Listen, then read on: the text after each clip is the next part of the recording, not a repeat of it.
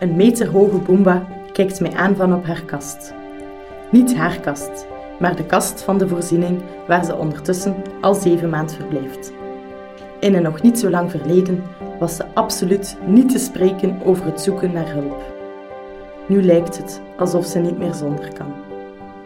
Eindelijk leunen op anderen. Eindelijk niet meer zelfverantwoordelijk.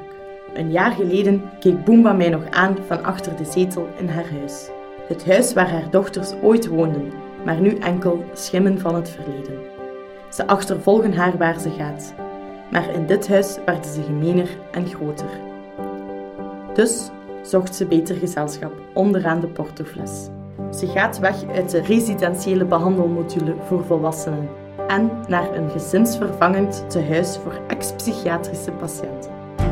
En op termijn gaat ze naar een pensioenwoning voor mensen tussen de 45 en 65 jaar die geen vaste verblijfplaats kunnen houden.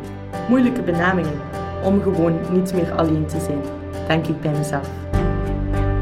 Het was hier goed en hopelijk wordt het beter, zeker in de laatste bestemming, de nieuwe toekomstige lievelingsplek. We steken Boomba in een grote plastic zak. Moet ik hem hebben?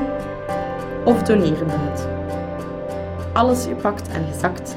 Ze is klaar voor haar nieuwe avontuur, zonder Boomba, met gezonde stress en een paar bezoekjes aan het toilet later vertrekken we.